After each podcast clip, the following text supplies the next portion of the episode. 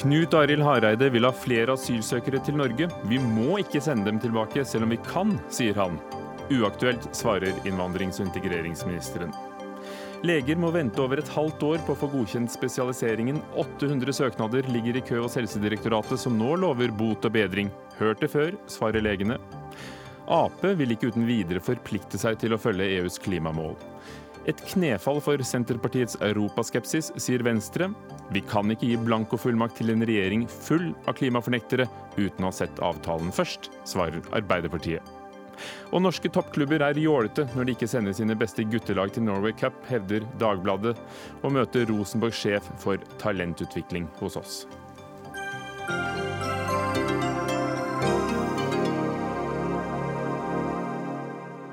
Så det handler også om fotball, altså, i Dagsnytt 18 i dag, med Ugo Fermariello. Velkommen.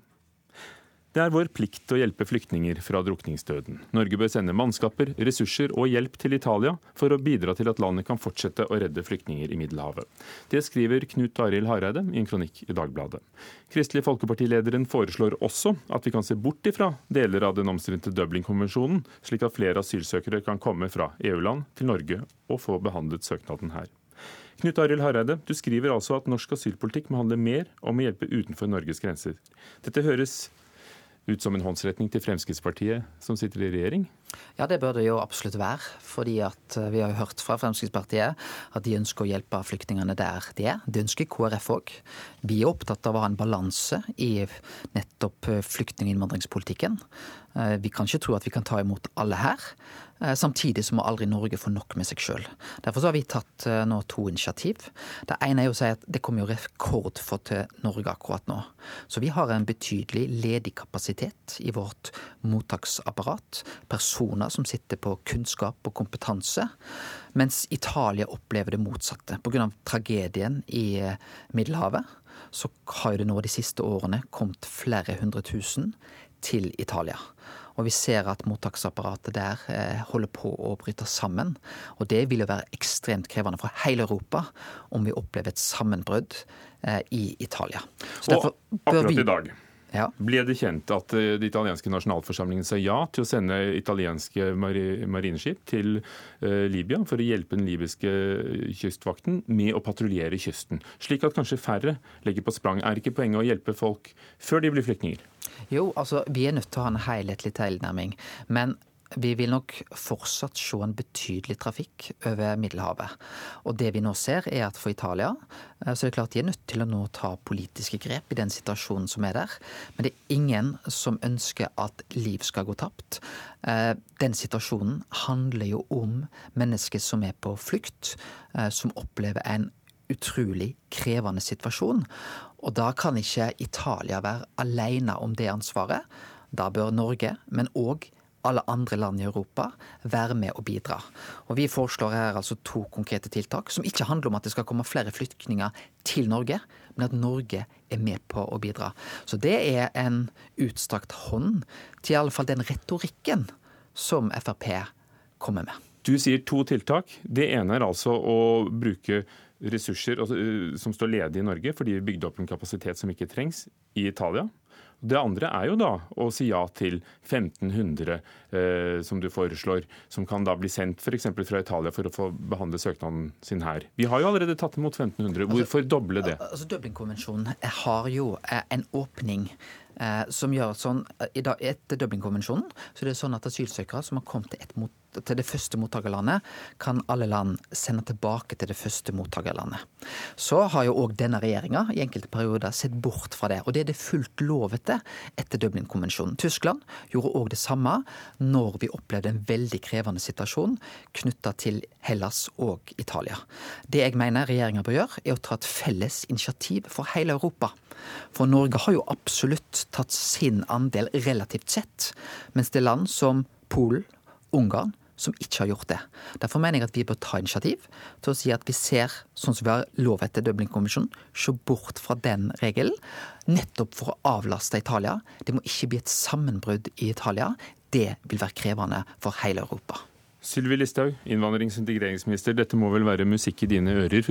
Opplever du at KrF nærmer seg det dere står for i regjering?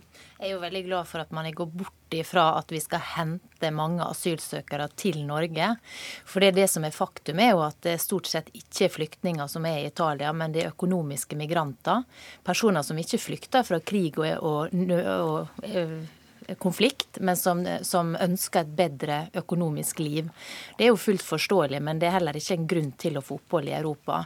Jeg mener det er veldig viktig å tenke langsiktig. Vi vet at Afrika kommer til å øke med nesten 500 millioner innbyggere fram mot 2030. Det er bare 13 år til det.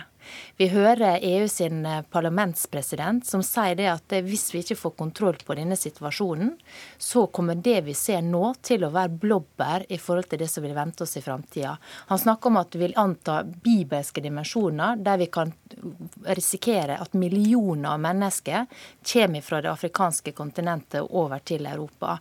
Og Da mener jeg at det viktigste nå er å få stansa denne strømmen. Derfor er jeg veldig glad for at italienske myndigheter nå får muligheten til å hjelpe libyske eh, myndigheter. Men det andre som jeg vil påpeke er, og som jeg tror vi kan være enige om, det er at det er viktig å hjelpe Italia med personell f.eks., som Norge allerede gjør. Vi har folk der nede som hjelper dem med å behandle søknader. Vi har folk der nede som hjelper eh, politimyndighetene der til å f.eks. finne ut hvem disse personene er. Eh, men så er jeg uenig i at vi skal sette Dublin-konvensjonen til side. Og Grunnen til det er at hvis det er sånn at man bare kan reise videre i Europa, så oppnår jo disse økonomiske migrantene nettopp det de ønsker. Nemlig å bruke Italia som et første sted å ankomme, for så å reise til det landet der man ønsker å komme videre. Da vil jo dette føre bare til at strømmen av migranter øker på, og ikke stanser opp sånn som vi ønsker at det skal gjøre. Jeg er glad for første del av svaret til statsråden. For det er klart at vi kan bidra med mer med personer i den situasjonen som Italia er nå. Og deres mottaksapparat er betydelig pressa. Vi har ledig kapasitet. Da bør vi øke den innsatsen. Så har jeg aldri tatt til orde for å sette Dublin-konvensjonen til side. Det er en åpning, en veldig bevisst åpning i Dublin-konvensjonen for det jeg tar til orde for. Tyskland har gjort det før. Den regjeringa som Listhaug representerer, har òg gjort det i si tid. Eh, og det er jo fordi at eh, vi er nødt til å se at Italia nå har en ganske stor belastning, hvis vi sammenligner med alle andre land i Europa. Og dette er et felles ansvar. Så er det sånn at ja, det er noen som eh, immigranter som er av økonomisk, men, men de vil jo ikke få opphold. Det vil jo være de som har et rettmessig opphold. De andre vil jo bli returnert. Sånn sett så vil jo det være de Eh, og, og, og, denne strømmen som vi nå ser, vil jo være mennesker som gjør det av økonomisk interesse. Men det er òg noen som pga. krig, pga. situasjonen, pga. farlige hendelser i deres land, har de ikke en trygghet. Og flyktningsituasjonen er jo mer krevende i 2017 enn den har vært noen gang etter andre verdenskrig. Listhaug, er det sånn at eh, når Italia, som selv er fortvilt, har bedt EU og resten av Europa om hjelp, har mottatt 96 000 hittil i år over Middelhavet som er kommet dit, ville ikke det vært en måte å hjelpe Italia på? Eh, og ikke nødvendigvis en oppmuntring til økonomiske migranter, for disse søknadene skal jo behandles. Det blir en avlastning. Jo, men det å ta dem hit, altså da vil det jo være sånn at vi heller ikke får returnert dem nødvendigvis. Og det er jo noe av utfordringa med hele asylpolitikken i dag. Nemlig at kommer du deg til Europa, du er fra et land som nekter å ta imot folk i, med tvangsreturer. Vi tar det ikke hit. Så. Det er de som er i Norge, som har kommet til Italia først. Eller som kommer til Tyskland og vært i Italia først. Da skal ikke Tyskland returnere de til Italia. Men, men du, mener at, til... du mener at de kan da komme til Norge, og så kan vi hjelpe til med den behandlingen? Og eventuelt sende ut hvis det er grunnlag? Ja, men jeg har lyst til å si det, det er jo en viss forskjell her. fordi de menneskene som er kommet til andre land altså I forhold til eh, Dublin-konvensjonen så er det jo sånn at da har vi mulighet å returnere de til Italia. Men Dublin-konvensjonen sier veldig tydelig det trenger vi ikke gjøre. Så det er de som allerede er kommet? Ja, det er, det er det for å hjelpe Italia det, eller flyktningene? Altså, I den situasjonen har jeg lyst til å si at det er jo en, heldigvis begge deler. Fordi at det vil jo kunne okay. hjelpe flyktninger. Men Italia står jo nå overfor en så krevende situasjon at de det. kan få et sammenbrudd. Listhaug. Poenget er jo at en stort flertall av de som nå kommer, er økonomiske migranter. Det sier IOM, det sier FNs høykommissær. Det å da bare ta imot de som ønsker å komme til Norge og behandle søknaden her, vil jo da bety at en del av de er økonomiske migranter som får avslag. Det neste problemet da er at mange land nekter å ta imot egne innbyggere til tross for at de ikke skal være i Norge og Europa. Da blir vi sittende igjen med dem, for vi har ikke noe sted å returnere dem. Derfor er det helt feil medisin, og jeg mener også at det vil føre til at eh, disse økonomiske migrantene får det som de vil, nemlig at de kan reise videre inn i Europa. Og da vil jo de som står på andre sida og lurer på om de skal reise, sette alle kluter til på å komme over til Italia. For jeg ser at kommer vi først dit, ja, men så får vi jo egentlig reise videre på samme måte som man gjorde i 2015, eh, selv om man da er registrert i Italia. Det, Hvis det, det er ureturnerbare fra Norge, så er det vel også ureturnerbare fra Italia, så da blir de stuck i Italia i stedet? Ja, men jeg mener jo at Norge har gjort en stor innsats. Vi har bl.a. relokalisert. Vi har personell der nede. Og det at vi da med åpne øyne skal sitte og ta imot økonomiske migranter her, det mener jeg er helt feil. Men da vil de bli sittende fast i Italia i stedet? Vi kan gjerne hjelpe italienske myndigheter med å forsøke å returnere flest mulig av disse her. Og EU jobber jo også aktivt for å få til returavtaler med mange land. Men jeg mener at Norge ikke skal sitte igjen med dette problemet her, men vi kan hjelpe men, til å løse det der. Nå syns jeg statsråden skal høre hva jeg sier. Jeg sier vi skal ta et europeisk initiativ og sikre at Europa gjør dette. Eh, og det er noe med at Vi kan ikke alltid sitte og vente på at EU skal ta alle initiativ. Vi må gjøre dette. Det er jo sånn at Dette er et felles europeisk ansvar. Og eh, Hvis ikke vi ser den belastningen, som Italia har her. Og jeg synes hvordan, det, hvordan jobber du med EU? Vi deltar i møter som EU har på ministernivå, f.eks. å diskutere disse spørsmålene. Og dette er jo et spørsmål som EU jobber iherdig med.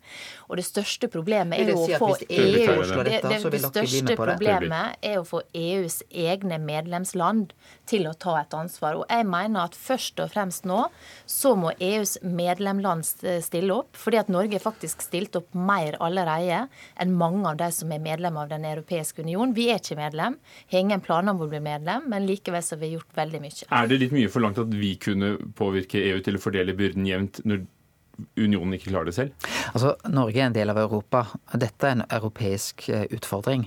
Men jeg er enig i statsråd Listhaug at land i Europa må stille opp. Derfor har jeg sagt at vi er nødt til å utfordre og få et tydelig aksept fra land i Europa. Vi vet jo at land som Polen som Ungarn ikke har tatt det ansvaret, som bl.a. Norge, Tyskland har gjort. Og Der kan vi jo prøve å påvirke, men eh, Listhaug sier at vi, vi, har bidratt. Det er folk i, i, Italia som hjelper til. Du mener det bør være enda mer fordi vi har ledig kapasitet. Hvordan ser du det for deg? Ja, Vi har jo en eh, ganske god kapasitet. Antallet asylsøkere som har kommet til Norge er vel det laveste på mange mange tiår. Vi har god eh, kapasitet som vi kan bidra med. Så mener jeg òg at vi bør ta nettopp initiativ. Så det er ikke nok initiativ. det vi gjør? Nei, vi bør gjøre mer.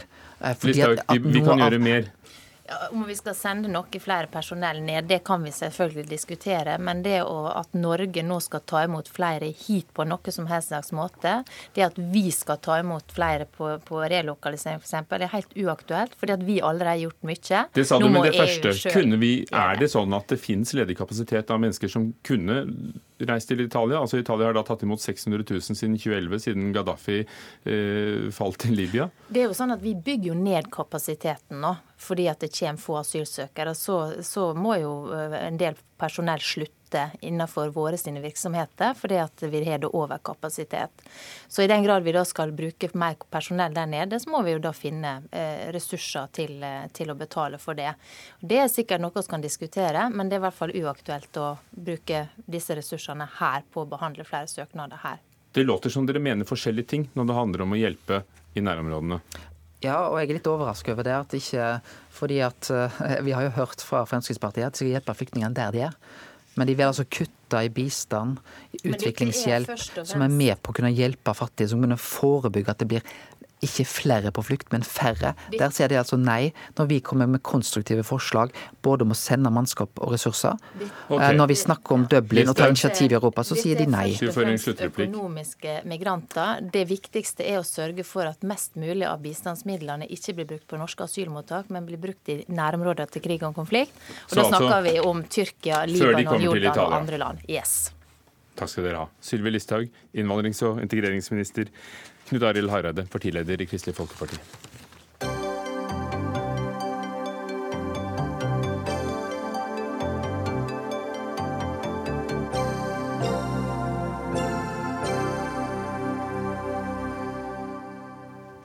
Unge leger som har brukt flere år på å spesialisere seg i et fagfelt, må nå vente i over et halvt år på å få utdanningen godkjent. Det hørte vi i Dagsnytt allerede i dag tidlig. I Helsedirektoratet har nå nesten 800 søknader om godkjenning hopet seg opp. Tom Ole Øren, leder i Allmennlegeforeningen, hvor alvorlig er dette? Nei, Vi syns dette er alvorlig, fordi at uh, saksbehandlingstiden uh, totalt sett i de seks årene Helsedirektoratet har uh, hatt denne oppgaven, så har eh, saksbehandlingstiden gått opp. Eh, det har hatt store konsekvenser for kollegaene etter at de har brukt veldig lang tid på å bli spesialist. Enten du skal bli sykehusspesialist, som er fem år, eller allmennlegespesialist. Og så skal du da i tillegg vente flere måneder for å få godkjenningen, sånn at du kan sette i gang arbeidet som spesialist. Men det er jo ikke sånn at de står uten jobb? Det gjør de ikke. Eh, men eh, for sykehusspesialistene spesielt, så, så, er det klart eh, store komplikasjoner i forhold til at de kan ikke søke jobb som legespesialist før de får den formelle godkjenningen. For allmennlegene er det litt annerledes, men samtidig, hvis du nesten du har søkt om å bli spesialist og venter på godkjenningen, så, og du søker en jobb, og de to andre f.eks. har spesialistgodkjenningen, så kommer du bakerst i køen. Anne Farseth, avdelingsdirektør i Helsedirektoratet. Siden 2011 så har det vært sånn at dere har gjort denne jobben. Før var det Legeforeningen som gjorde den på oppdrag for, eh, for staten, men nå er det dere. Men hva har skjedd? Hvorfor tar det så lang tid? Eh, det er dessverre en situasjon som har eh, utviklet seg over tid. Og for sykehusspesialitetene nå så er saksbehandlingstiden altfor lang. Det beklager vi veldig, og gjør selvfølgelig da tiltak nå for å rette på den situasjonen. Men den har jo vært eh, lang en stund, så, så, hvorfor kommer tiltakene først nå? Vi har prioritert eh, søknader om allmennmedisin og resertifisering. Det har vært sakstyper som har vært prioritert hele tiden, så lenge Helsedirektoratet har hatt ansvar for denne behandlingen. Der er det vesentlig kortere saksbehandlingstid, veldig mye kortere akkurat nå. Eh, det har dessverre gått på bekostning av sykehusspesialitetene, og det er selvfølgelig ikke greit. Hva er det som tar så lang tid, da? Det som tar lang tid, er, altså det er et spesialistløp. Har de ikke folk nok? Spesialistløp er langt. Det er mye dokumentasjon som skal sendes inn og sjekkes og skal vurderes på ulike måter med i forhold til eh, det faglige grunnlaget. Eh, men selvfølgelig har dette noe med ressurssituasjonen å gjøre. Og som sagt, vi har prioritert da de andre gruppene. Og det har gått på bekostning av sykehusspesialitetene. Tom Ole Øren, eh, gikk det så mye raskere da dere hadde hånd om denne sertifiseringen? Ja, det gjorde faktisk det. Det gikk en del raskere. Eh, og vi hadde den oppgaven i flere år, men eh, helsepersonelloven eh, som ble endret i 2009, førte da til at Helsedirektoratet ikke kunne delegere det til Legeforeningen. Og så tok de over oppgaven selv da tilbake igjen i 2011, og har som sagt hatt den oppgaven i seks år. Når oppsto det problemet at dere synes at dette drøyde for, for, Nei, for lenge?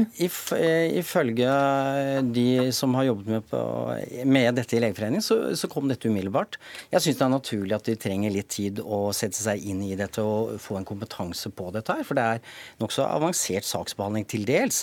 Eh, men at saksbehandlingstiden har gått opp og ikke gått ned, det syns vi er svært beklagelig.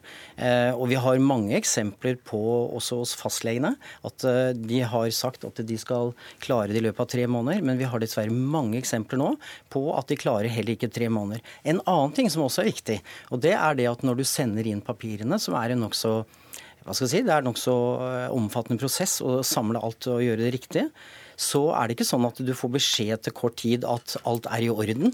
Men eh, da får du ikke beskjed før like før eventuelt tre måneder har gått ut.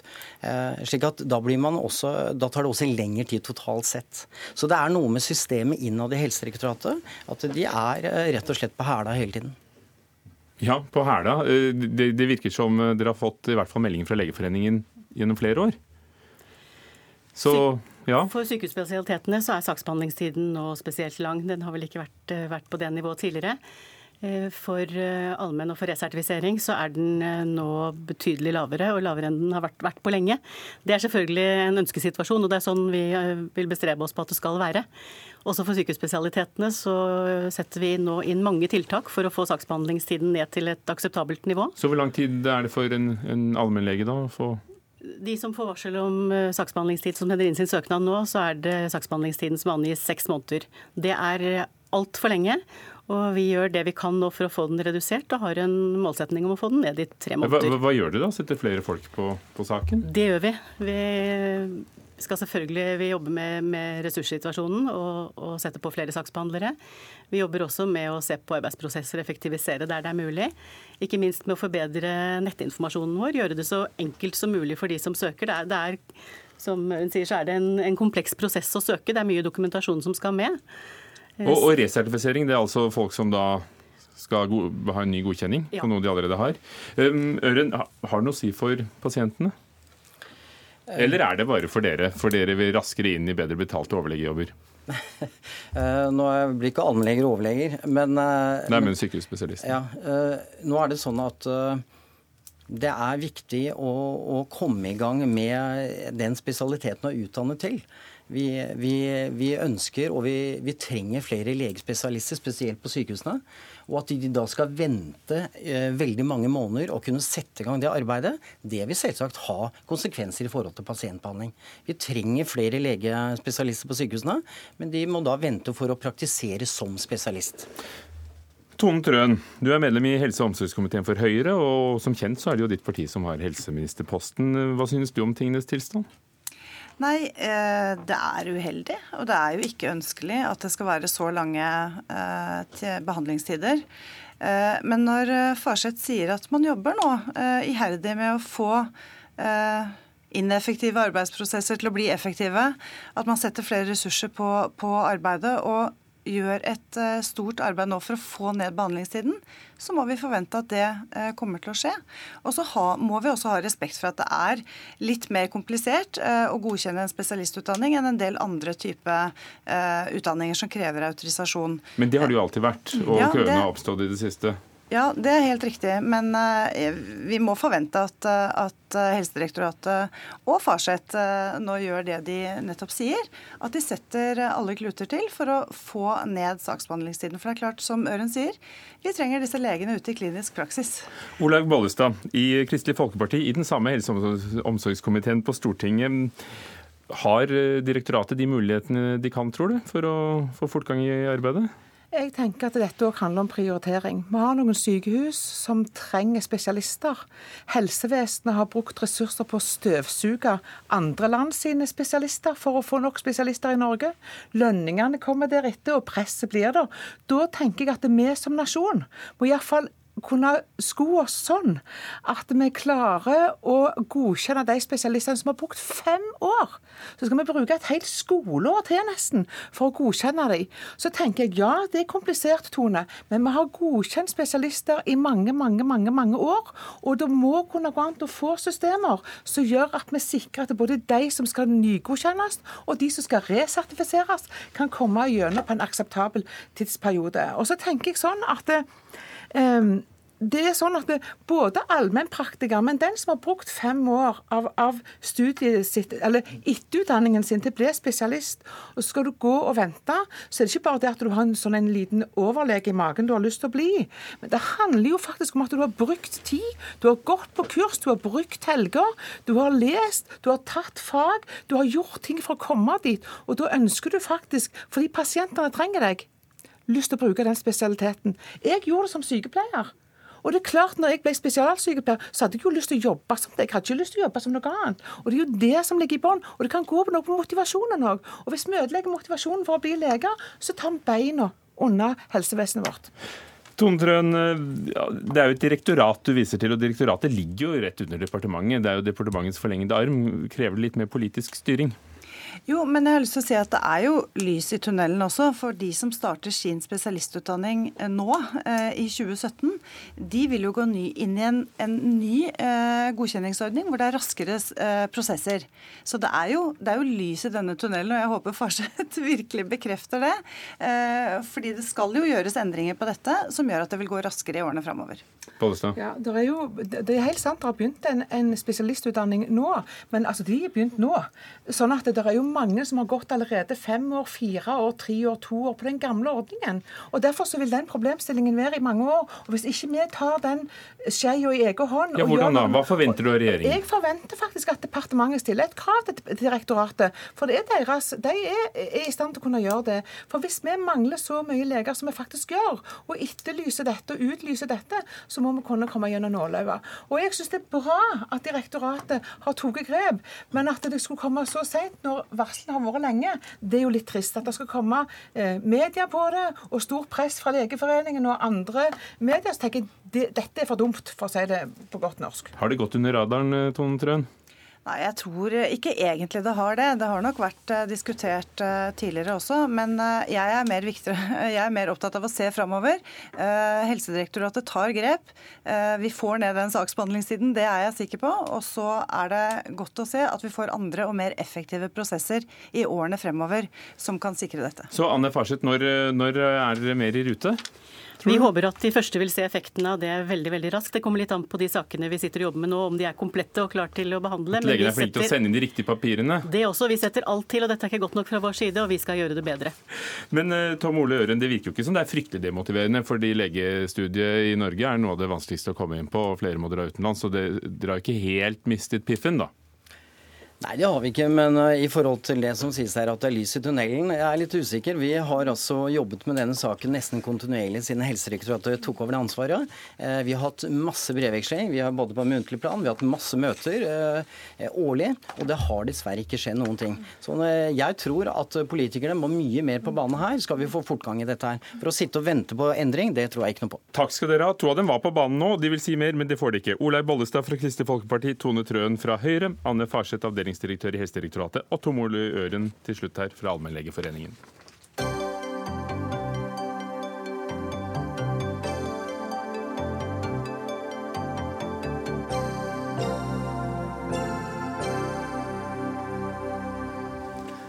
Pakistan fikk ny statsminister i går, etter Nawaz Sharif ble tvunget av Høyesterett til å gå av i forrige uke. Han er under etterforskning for korrupsjon, men eh, familien hans eh, holder likevel på matten makten. Atta Ansari, dokumentarjournalist i, i Brennpunkt-redaksjonen her i NRK med et øye til pakistansk politikk. Uh, aller først, hvem er uh, den nye statsministeren? Den nye statsministeren uh, er en et gammelt, gammelt medlem av det samme partiet som Nawaz Sharif kom, kom, kom, fra. Det muslimske liga, som er ja, et liberalt parti på høyresiden, ikke sant? Ja, det kan man si. Det er et konservativt høyreparti. Det er, det er det. Eh, han har vært i politikken i over 30 år, eh, så han har vært med som da, kan si, gamet da, veldig lenge. Um, han er ikke en rikmanns sønn, og han har heller ingen korrupsjonsanklagelser mot seg. I hvert fall ikke til nå.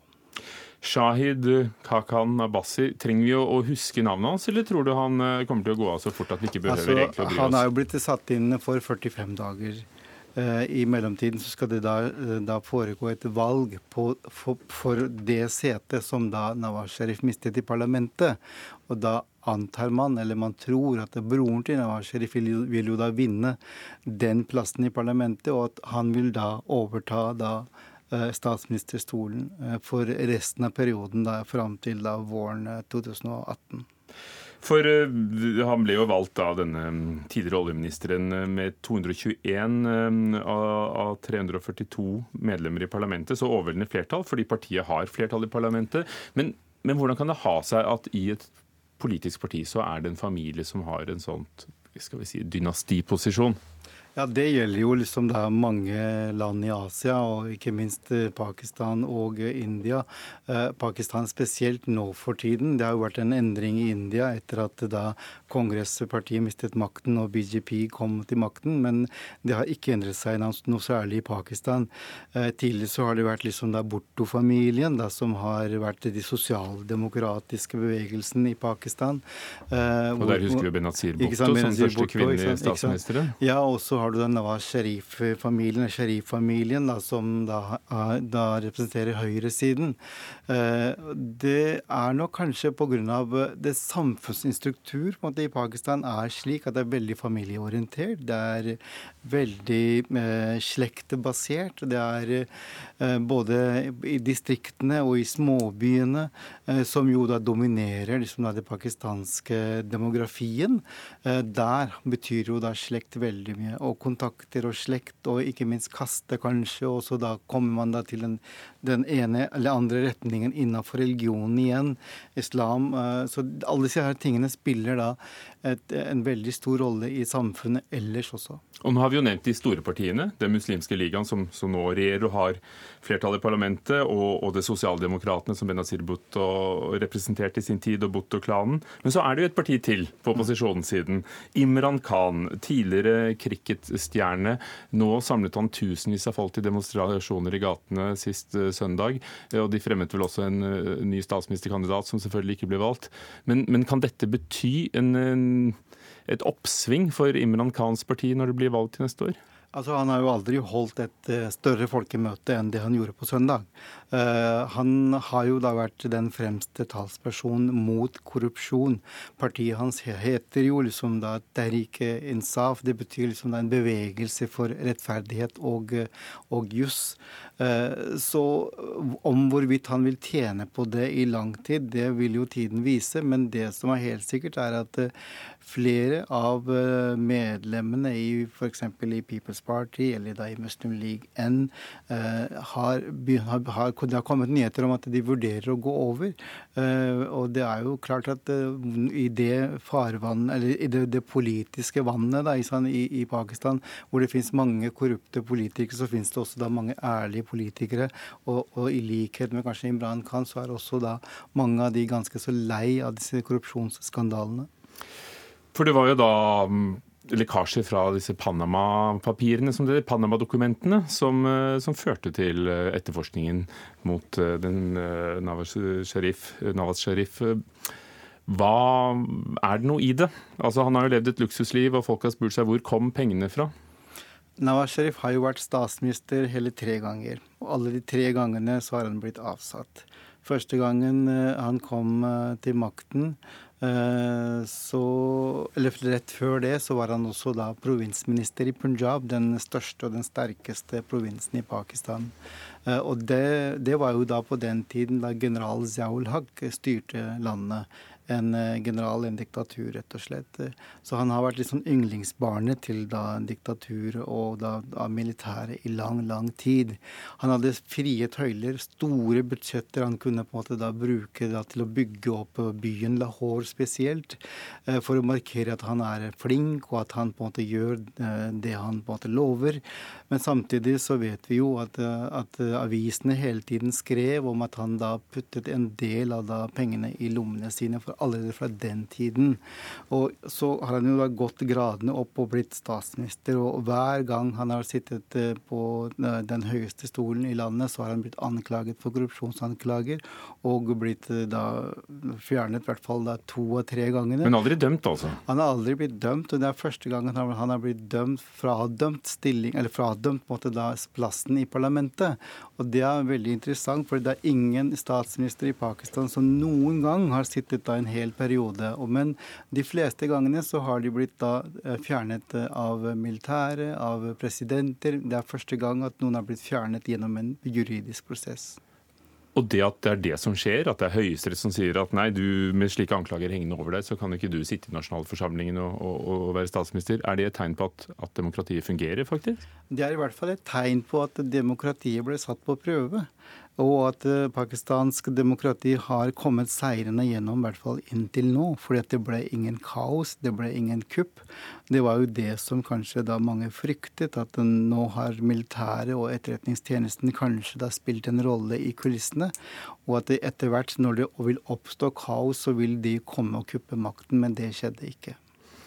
Takk skal du ha. Atan Sari, journalist her i NRK. Og så følger vi med før valget neste år, så får vi se hvem som blir statsminister om 45 dager.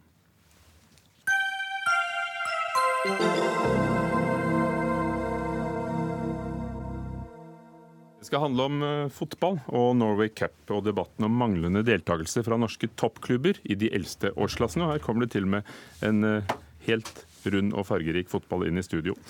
Banene er ikke bra nok, og motstanderne er altfor dårlige, har tilbakemeldingene i årevis vært fra trenere og ledere hos de fleste av Norges ledende juniorlag, skriver Dagbladets sportskommentator Esten O. Sæther. Han hevder også at det har gjort Norway Cup sportslig svakere sammenlignet med andre store turneringer. Og Esten Osæter, sportskommentator i Dagbladet, tidligere landslagstrener i futsal, innendørsfotball. fotball. hvorfor trenger en breddeturnering som Norway Cup også ha med de, de aller beste eliten? Fordi eh, omtrent 99 av alle fotballspillere driver med breddefotball.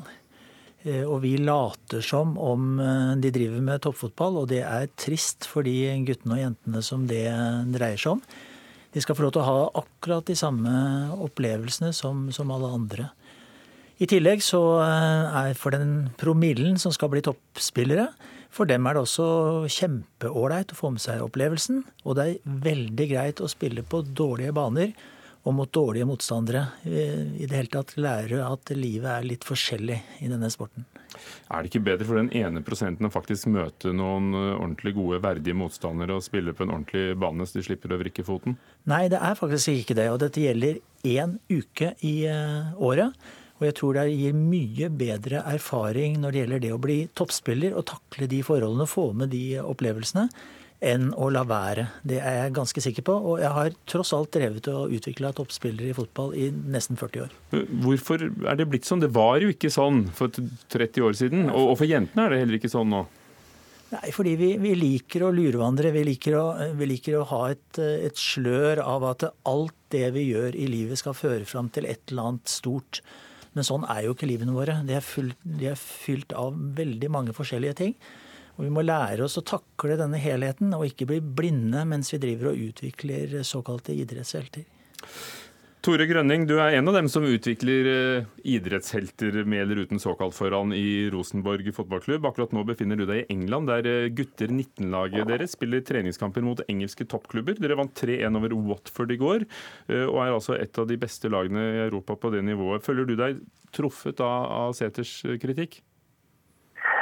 På mange måter så er det jo en del av den de innspillene som Nesten og Sæter kommer med, som vi kan følge i forhold til Rosenborg som klubb. fordi vi rekrutterer spillere først inn i året med 15 år så vidt, og mest 16-17-åringer egentlig. Det gjør at alle de eh, spillerne våre har jo vært med og opplevd på alle disse turneringene, og ikke minst Norway Cup gjennom sine tidligere forberedelser i forhold til spillere spillere på alderstrinnene fra 8, 12, 13, 14. De har jo på en måte fått den ballasten. sånn at når vi rekrutterer dem inn, så ønsker vi jo da å få seg at de får et nytt tilbud, et bedre tilbud, et utviklingstilbud som er så optimalt som mulig for at de kan strekke seg lenger mot det å bli en uh, toppspiller. På hvilken måte ville det virket mot sin hensikt da, for deg å, å ha det med på Norway Cup? Ja, altså, som sagt, De har jo vært det, eh, mange av dem. og Da var de jo i sine ulike breddeklubber. Men når vi har samla spillere fra en hel region i en toppklubb, som da f.eks. Rosenborg, så mener de at det blir å gjøre en urett mange ganger i forhold til de spillerne vi møter. Hvor vi da skal spille mot de samme klubbene for så vidt som spillerne kommer fra, på en litt urettferdig måte. Vi er jo da en sammensveisa gruppe blant de fremste spillerne. og Hvis vi møter da breddespillere i aldersnivåene fra 16 til 19, ja, så betyr det jo at resultatene i sånne kamper blir eh, veldig store eh, til fordel toppklubben. Og Det er jo det som egentlig er hovedårsaken. at Vi tenker jo at det er riktigere å være på eh, nivåinndelt eh, eh, nivå, da, slik at vi spiller mot spillere på omtrent samme nivå, og ikke gjør urett i å møte de som da fortsatt er i breddeklubbene sine. Flott er det. Men da er vi kommet i en annen setting hvor vi trenger andre typer påfyll. Eh, Bokstavelig talt uh, i en annen liga, Sæter. Er, er, er, det dette du mener er det misforståtte gravalvoret? Ja, fordi det, det, er jo ikke bare klubben din det er snakk om, den, den flotteste i Norge for øvrig. Men, men, det gjelder jo da 20-30 andre toppklubber. Og hvis dere hadde fylt opp denne juniorklassen og det hadde blitt 180, eh, det hadde blitt 200 lag i juniorklassen, så ja, dere hadde møtt noen dårlige lag i starten. Men så hadde det jo jevnet seg ut. Og så hadde det blitt akkurat akkurat så festlig som det var de første årene i Norway Cup, hvor det var stinn brakke. Sånt uttrykk kan man jo ikke bruke midt på Ekebergsletta, men, men det var altså helt fullt av folk rundt de store juniorkampene, og det var massevis av prestisje, og det var så røft sportslig nivå at jeg er ganske sikker på at de beste norske spillerne ble utviklet godt i de dagene. Tony, eh, eller aller først Tore Grønning, ville det ikke vært moro å, å gi de litt mindre gode sjansen til å møte de virkelig gode, da? Å bryne seg på? Jeg tror jo også at nesten Sæter forstår at utviklinga går litt videre. og vi kan ikke på en måte tenke oss så tilbake til 70-80-årene når vi kommer til 2020 snart. og Det er noe med at vi må legge til rette for disse spillerne i forhold til å bl.a. ikke spille flere kamper hver dag. Jo, men vær, Sete, vi skriver snart 2020. Ja, men vær så snill da, folkens. Når var vi best i fotball? Hva er det nå? Eh, vi var faktisk best for 20 år siden. Og de spillerne som utgjorde de beste landslagene våre den gangen, de hadde denne bakgrunnen. Det er jo det jeg prøver å si. Vi driver misforstått og syr puter under armene på mange av toppspillerne våre som er yngre. La de få lov til å møte hverdagen, og la de få gleden av en sånn type helhetsopplevelse. Vi skal komme tilbake til deg også, Tore Grønning, men aller først. Tony Isaksen, generalsekretær i, i, Norway Cup. Det er du som har brakt inn fotballen her i, i studio. Eh, syns du det er leit at ikke junior-toppklubbene er med på turneringen? Jeg tenker at den innstillingen der blir helt eh, feil, faktisk. Fordi at eh, først og fremst handler idrett om eh, å møtes og ha det sosialt sammen. Og idrettsglede og samhold. Og at kulturer lærer hverandre. Og så er det selvfølgelig også mestring i dette greiene her. I dag så har jeg snakket med Vidar Iseth, som også er fra spilt i Rosenborg. Som da også snakka med Brede Hangeland, som også har spilt ganske høyt nivå. De sto og så utover sletta og fortalte at de som ikke kan spille oppe her, da kan man la være å spille fotball. Så det med dårlige baner, det, det stemmer ikke? Det er helt riktig. Vi har også hatt uh, tilbakemelding fra Porto uh, i dag. Og uh, til og med også Rosenborg gutter 16 fortalte at dette er akkurat slik de er vant til å ha det når de spiller i store turneringer som de er invitert til. For du har jo kommet med et mottrekk. Dere har laget en egen liten serie for spesielt inviterte topplag for gutter 16. Ja, hva, jo, hva, er det dere har gjort? Har dere gitt etter for press? Er det det dere har gjort? Vi, Nordic Cup er jo først og fremst en breddeturnering, men vi inviterer lag fra hele verden. Og det gjelder eh, både fra de fine og dyktige og spennende klubbene. Og så er det de litt mindre kjente. Eh, så om det er Nord-Korea eller Pakistan det er for da. Men vi er opptatt av at eh, de beste også skal være med. Eh, og hvis de beste norske klubbene velger å la være, så vil jo selvfølgelig ikke de nest beste være. Så det er å skape en arena, og det er viktig at Norcup og Norge har en arena hvor de aller beste klubbene møtes. Eh, Tore Grønning, er dere med på denne skal vi kalle det VIP-ligaen på Norway Cup? Ja. Ja, og det syns vi har vært veldig kjærkomment at Norway Cup følger opp også noe som vi vet andre turneringer av tilsvarende størrelse i utlandet har gjort det at de lager også da en ikke misforstå begrepet, men de har laga en uh, del av turneringa. slik at vi har jo valgt å takke ja til å være med på det etter å fikk forespørsel om det. Og Det syns vi har vært ålreit. Møte internasjonal motstand på norsk grunn. Det gjør at vi slipper hvert, hvert år å reise til utlandet. Vi kan møte dem her. Men du, Sæter, Esten Sæter hadde jo et spørsmål til deg, Sted Grønning, og det var jo når var Norge best? Var det før, eller var det nå? Norge var best ifølge Fifa-rankingen for veldig mange år siden. Ja, og Da spilte jo toppklubbene i de vanlige turneringene på Norway Cup, så, så, så veldig mye skade kan de ikke ha tatt av det? Nei, men vi kan snu litt på det og si at aldersbestemte norske landslag har gjort det bedre og bedre og bedre i de senere årene. Det, er jo det som har snudd, det er jo på A-nivå. Jo, det, det, det, det, kan, det kan du si. Jo, det, kan du si, men samtidig så driver jo jeg da med A-lagsfotball eh, i eh, første og andre divisjon, ikke sant? Og jeg får jo ja. horder av disse Eh, juniorspillerne dine, eller fra klubber på tilsvarende nivå, inn til oss. Og de er ikke bra nok for det nivået. Det vet vi alle sammen. At, at av de årgangene du har, så er det bare en par stykker som skal til såkalt toppfotball. Og Det er der jeg mener at vi må, vi må skjønne hvordan utvikler vi de som skal bli aller best, men hvordan tar vi vare på de som har blitt med på en eller annen litt som liksom toppfotballsatser. Men Kan det være at det de trenger nå er å dra til England og møte Watford, sånn som, eh, sånn som Rosenborg-guttene gjør nå, Nei. og faktisk spille med de aller beste og bare prøve kan... en annen medisin? Nei, jeg tror ikke det, for det har vi holdt på med ganske lenge, akkurat det der. Tone Isaksen, har dere samme utfordring med, med jentelaget? Nei, der er det ikke så kommersielt. Eh, når det er sagt, så er det slik at Norcup har nå faktisk satt i gang en strategi for å øke andelen jenter. Vi er godt over 30% Vi har som mål om å øke til 50% i løpet av noen år. Og vi setter i gang nå faktisk fra i morgen et eh, nordisk samarbeid for å få også de beste jentelagene fra Norden til eh, Cup. Men helt klart, utfordringen på jentesiden er klart mindre. Men hvorfor det, tror du? Nei, Det er for at kanskje at jenter er litt smartere enn gutta, kanskje? Jeg er ikke sikker. Ja, eh, Tore Grønning. Eh, I Fifa-rankingen så gjør vel kvinnene det bedre enn mennene? Og har en annen holdning til, til Norway Cup? Ja, de har vel falt litt tilbake der òg. Men uh, det, det, det, er viktig å si at vårt lag da i Rosenborg vi hadde jo gleden av å være med i en Uefa-turnering her i vinter som heter Uefa Youth League. Som er da en en utgave av en type Europe League, Champions League for juniorlag. da. Og Det var fantastisk å være med på. og det er klart at For å være med der, som vi for øvrig kom lengst Alle Champions League-lagene sine juniorlag røk ut før Rosenborg røk ut mot eh, CSKA Moskva her i vinter. og Vi gikk lenger enn alle nordiske land.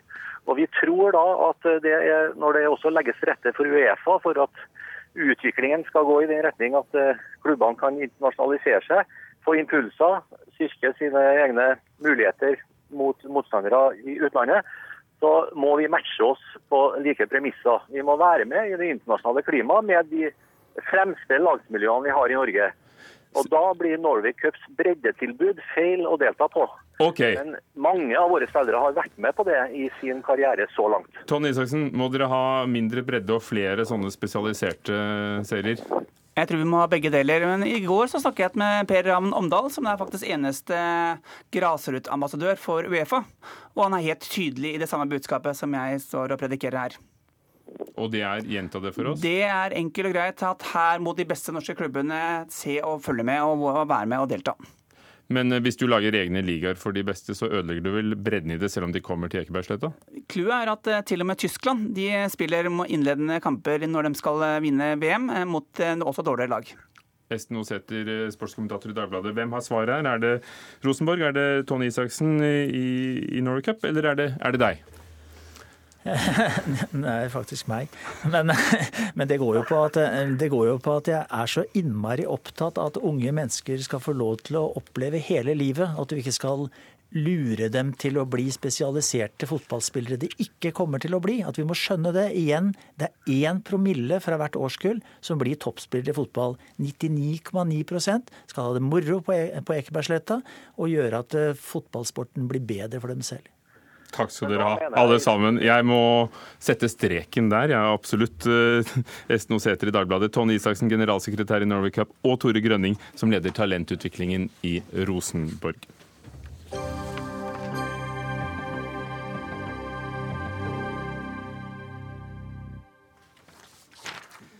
Det skal handle om uh, klimapolitikken til uh, Arbeiderpartiet. Eh, for tiden forhandler regjeringen nemlig med EU om en felles klimaavtale. Mandag uttalte Jonas Gahr Støre at en ny regjering ikke uten videre kan garantere at de stiller seg bak en slik avtale. Og dette satt flere sinn i kok, bl.a. hos Venstres nestleder Ola Elvestuen. Hva var det du tente på? Nei, Det viser jo at det er et klimakaos på rød-grønn eh, side. At Arbeiderpartiet ikke er villig til å gå i konflikt med verken Senterpartiet eller også SV, som har stemt imot at vi skal jobbe fram en slik eh, avtale. Jeg synes det, det overrasker at de var så tydelige eh, på den skepsisen de har for å gå inn i en avtale med EU. Det vi jo trenger, er jo nettopp å følge opp det vi også har meldt inn til FN, at vi skal ha, redusere våre utslipp med 40% at vi skal gjøre det sammen med EU. Og du trenger en avtale for å få den nødvendige forpliktelsen som sikrer at vi får utslippsreduksjoner i Norge på lik linje med andre europeiske land. Terje Aasland, energi- og miljøpolitisk talsmann i Arbeiderpartiet. Hva, hva var det egentlig partilederen deres sa mandag? Men aller først, med respekt, Nei, ikke aller først. Hva var det han sa? Men med respekt å melde, det Ola Elvestuen og Venstre her nå sier er tull. Arbeiderpartiet står selvfølgelig ved de forpliktelsene vi har inngått, og som, som er en oppfølging av Parisavtalen. Det Jonas har sagt til NTB, er at nå er det på tide å se hva avtalen inneholder. Vi kan ikke godkjenne en avtale uten at vi vet hva den inneholder. Det ville jo vært totalt uansvarlig å gi dagens regjering, som er full av klimafornektere, en blankofullmakt å inngå en klimaavtale med EU uten at Stortinget vet hva som ligger i en slik avtale. Så det Jonas har sagt, det er riktig og det er ansvarlig. Alt annet ville vært uansvarlig. Elvestuen, du har jo selv kritisert regjeringen eh, i klimaspørsmål. Jeg eh, mener at dette burde vi gjøre enda enklere. Det er bare å ta, eh, Nå må vi vente på avklanger i EU, så er det å ta dette som en del av EØS-avtalen. Er det nødvendigvis bra nok? Ja, dette handler om å få en forpliktelse. Dette handler om å få et regelverk som gjør at du har noen som også ettergår og påser at Norge gjør sin del av avtalen. At norsk næringsliv får det samme regelverket å forholde seg til resten av Europa. Og så kan du selvfølgelig eh, i tillegg til det ha egne nasjonale mål. Dette handler om å ha forpliktelsen, at vi sikrer at vi sammen med resten av Europa får en reduksjon, eh, at vi får en felles reduksjon. Og så mener Venstre, som enkelte også andre partier, at vi i tillegg bør ha, sette oss egne nasjonale mål. Men vi må ha denne enigheten med EU for, for at vi skal ha den nødvendige systematikken i klimaarbeidet fram mot 2030. Ellers så faller man tilbake, risikerer at det faller tilbake til det gamle klimaforliket, at det blir for så vidt tiltak, men at det ikke er i sammenheng med det som er målsettingen. og det blir, og det blir mer tilfeldig om man klarer å nå det. Og minus på hva målsettingen er. Vi skal redusere utslippene med 40% fram mot 2030. Eh, eh, og, vi, og vår forpliktelse, som det ser ut, eh, da i det som da er ikke-kvotepliktig sektor, dvs. Si det er transport, det er avfallssektoren, det er boliger, det er eh, landbruk, så må vi redusere våre utslipp med 40% innen 2030. Jeg hører at du rekker opp hånden eh, i Porsgrunn, Terje Aasland. Kom ja, det, det, som er forundringsverdig her, det er jo at Ola Elvestuen og Venstre ikke retter skytsen mot regjeringen. Som faktisk eh, Nå har vi venta siden våren 2015 på en avtale. En avtale som egentlig etter regjeringens eget utsagn skulle komme veldig raskt på plass. Nå skriver vi altså 2017.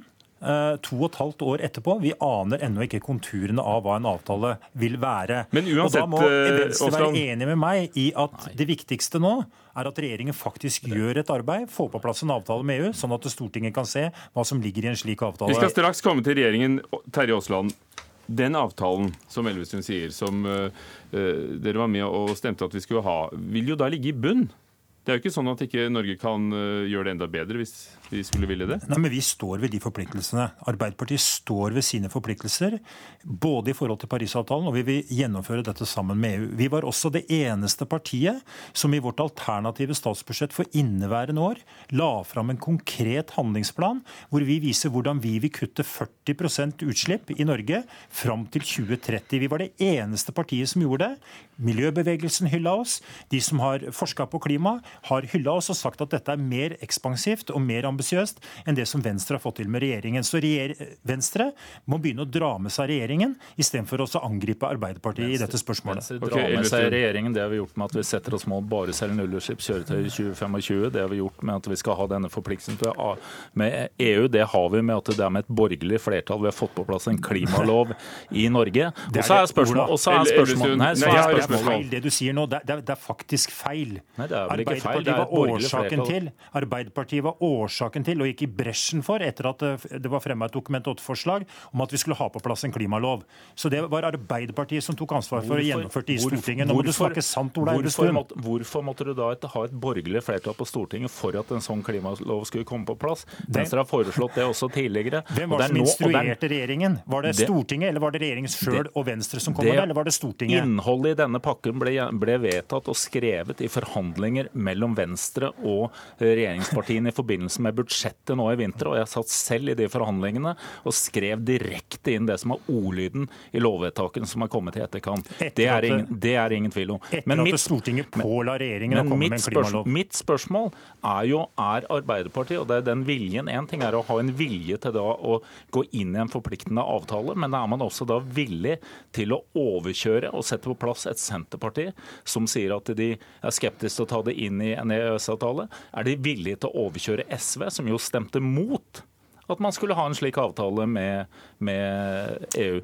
Jeg tror ikke at Arbeiderpartiet har den viljen. Og det som vises med dette utspillet, er at det har man heller ikke. Og da Men så lenge de har de målene. Han sier de har ikke forlatt målene. Nei. Ja, men det er jo forpliktelsen. Vi trenger å ha noen Dette er å ha en gjensidig juridisk bindende forpliktelse sammen med EU som sikrer at vi gjennomfører det som er våre minimumskrav til oss selv for å, innføre, for å få nå klimamålene. Aasland, det, det er, holder dere døren åpen for SV og, og Senterpartiet, som er engstelige for at dette skal bli en slags tillegg til EØS-avtalen, som de kjent, som kjent er skeptiske til? Ja, men det er, ikke, det er, ikke, et relevant spørsmål. Altså, statsråd Helgesen sa eh, for noen kort tid siden at eh, dette, eh, denne avtalen lar seg oppnå som en selvstendig avtale med EU, og ikke i, i forhold til EØS-avtalen. Det har statsråden sagt okay. for Han, kort tid siden. Vi har nesten og, statsråden og, her, ja, men, så, så, så jeg vil gjerne bringe inn ham. Jeg må bare understreke også at Den sak som er lagt fram på Stortinget, inneholder ikke dette. Statssekretær Lars Andreas Lunde i Klima- og miljødepartementet fra Høyre. Ja, eh, hva er status i forhandlingene? med EU? Vi holder nå på å forhandle på mange måter, mange temaer med EU, men et, et, av de forhandlingstemaene er selvfølgelig hvilken tilknytningsform vi skal ha til EU. Opprinnelig så hadde regjeringen foreslått en såkalt bilateral avtale. I etterkant har vi kommet, fra, kommet frem til at dette ville være en ganske komplisert form, bl.a. fordi den må godkjennes i 28 medlemsland. Så er ikke EU også ganske blankt nei til det jo, forslaget? Jo, det er riktig, og for så vidt med god, god, grunn. Eh, så har Norge nå lansert det som heter protokoll 31 i EØS-avtalen. Det er litt sånn teknisk begrep, men det betyr at det blir som et anneks til EØS-avtalen, avgrenset til selve den klimaavtalen som ikke får presedens på andre områder. Og Det er vår forhandlingsposisjon i EU, EU nå, og vi har fått stor politisk vilje også på EU-siden for en avtale med Norge. Så har det tatt både... veldig lang tid? For lang tid? Det er klart det er krevende prosesser i EU. Akkurat det, hvilken formell, om det er protokoll 31 eller andre former i EØS-avtalen, er ikke det største temaet. Men det er klart det er store forhandlinger internt i EU om innsatsfordelingen mellom EU-landene, hvor mye hvert enkelt EU-land skal kutte, om skog- og arealbrukssektoren, hvor altså hvordan opptaket av karbon i skog skal regnes inn. Det er mange krevende forhandlinger som pågår i EU. Og vi har aldri sagt at vi skulle være i mål før nå. Vi har hele tiden sagt at det er lange, krevende prosesser, ikke minst fordi at EU-landene selv må bli enige seg imellom. Slik at vi hele tiden sagt at vi kommer ikke til å komme, det er ikke realistisk med en fullstendig avklaring med EU før 2018, antageligvis. Fordi at, også fordi at EU selv ikke vil kunne konkludere eh, for, for, for, på en viss tid. Fordi at det er, det er, store og krevende prosesser på mange fronter internt i EU. Kan du forstå at Arbeiderpartiet sier at vi, vi vil nå se hva avtalen blir, før vi stemmer for det? Nei, jeg syns at vi bør være tydelige på at vi skal ha en avtale med EU. Det er det som vil være, uh, være målsettingen. Og, og, vi har jo også Men... presentert hvor store utslippskutt vi legger opp til, nemlig 40% utslippskutt, som er som det mest ambisiøse landet i EU sammen med Luxembourg og Sverige. Og der er dere jo helt eh, enige enige, Terje Aasland. Du sa akkurat at dere også gikk inn for 40 og, og det høres ut som en teknikalitet med denne protokoll 31 i EØS-avtalen. Det gjør jo at vi mister ikke suvereniteten. Det er, det er, Norge som fortsatt håndhever det som står der. Det er ikke sånn at det da blir ESA eller EU-domstolen. Eh, vil ikke det være eh, spiselig og helt greit å godta? Jo, altså vi, vi, har sagt i Stortinget og vedtatt i Stortinget at eh, vi ønsker å gjøre dette i samarbeid med EU. Og at vi ønsker en avtale på plass med EU. Det er det vi har sagt i Stortinget. Så må vi vite hva som er innholdet, rammene eh, for en sånn type avtale. Og det er det som nå lar vente på seg. Men skjønner du at de lar vente på seg ikke fordi eh, det er sendrektighet herfra, men fordi de er 28 land i denne unionen? Snart 27? Ja, altså At det tar tid, det er viktig. Men det som da er viktig i det samme momentet, det er at ikke regjeringen, som regjeringen har valgt å bruke denne enigheten som ligger i Stortinget uh, nå, de, de, har valgt å bruke dette som et skjold eller som et hinder for å komme med nye klimatiltak i Stortinget. Derfor har ikke regjeringen heller på selvstendig grunnlag fremma nye klimaforslag for Stortinget. Det har skjedd enten gjennom uh, press fra en samla opposisjon i Stortinget, eller gjennom budsjettforhandlingene med Venstre og Kristelig Folkeparti i Stortinget. Og der skal Venstre og Kristelig Kristelig Folkeparti har skryt for at de har dratt regjeringen i riktig retning. Klimamelding, klimamelding og budsjettforhandlinger har kommet inn. Men så må vi ta med oss realiteten. For realiteten er at forhandlingene først og fremst foregår mellom 28 EU-land. Og jeg tror ikke vi skal ha noen illusjoner om at når de har blitt enige seg imellom, så får vi en separat eh, forhandling på det. Da får vi en mulighet. Enten kan vi tilslutte oss det regelverket, eller så gjør vi det ikke. Fra Venstres side er vi helt tydelige på er... skal vi nå målet, så er det riktig å tilslutte seg dette, så vi får de samme rammene og det samme regelverket. Norsk næringsliv får det samme regelverket, og vi får en trygghet og sikkerhet for at vi når de, utslipps, de utslippsmålene som vi har satt oss for 2030. Så kan du være vi... sikker på at det de kommer i havn med, vil gjøre at vi når de målene? Vil du ikke ja. se teksten først? Nei, det, det, vil vi jo gjøre, men du vil gjøre det i, du, Jo, men du vil nå de målene innenfor EU. Og det er en trygghet, det er en trygghet for. Men så til den denne anklagen som kom opp, og den skal du få svare på, Lars Andreas Lunde. At dere har brukt det som et skjold i klimapolitikken? På ingen måte. Tvert imot. Denne avtalen med EU, som også regjeringen har tatt initiativ til, sammen med Venstre og Kristelig Folkeparti, er jo historisk. For at for første gang så ble faktisk Norge forpliktet av en avtale som også er juridisk bindende, hvor Norge blir straffet dersom vi ikke innfrir våre utslippsforpliktelser. Tidligere så har politikere fra mange partier vedtatt for så vidt luftige utslippsmål, men det har aldri fått noen konsekvenser dersom man ikke når disse målene, bortsett fra litt kjeft fra de som er til enhver tid er opposisjon på, på, Stortinget. Da. Men altså nå blir vi konkret straffet. Nå er det en juridisk bindende avtale. Det er første gangen faktisk regjeringen har bundet oss og Norge til masta til forpliktende utslippskutt. Og vi la frem en klimamelding nå rett før sommeren for hvordan vi skal nå disse målene. Hvem som sitter ved roret i 2018 når den avtalen kommer på plass. Takk skal dere ha, Ola Elvestuen, Lars Andreas Lunde og Terje Aasland fra Arbeiderpartiet. Dag Dørum var ansvarlig for Dagsnytt 18 i dag. Finn Lie, teknisk ansvarlig. Ugo Fermariello, programleder. God kveld.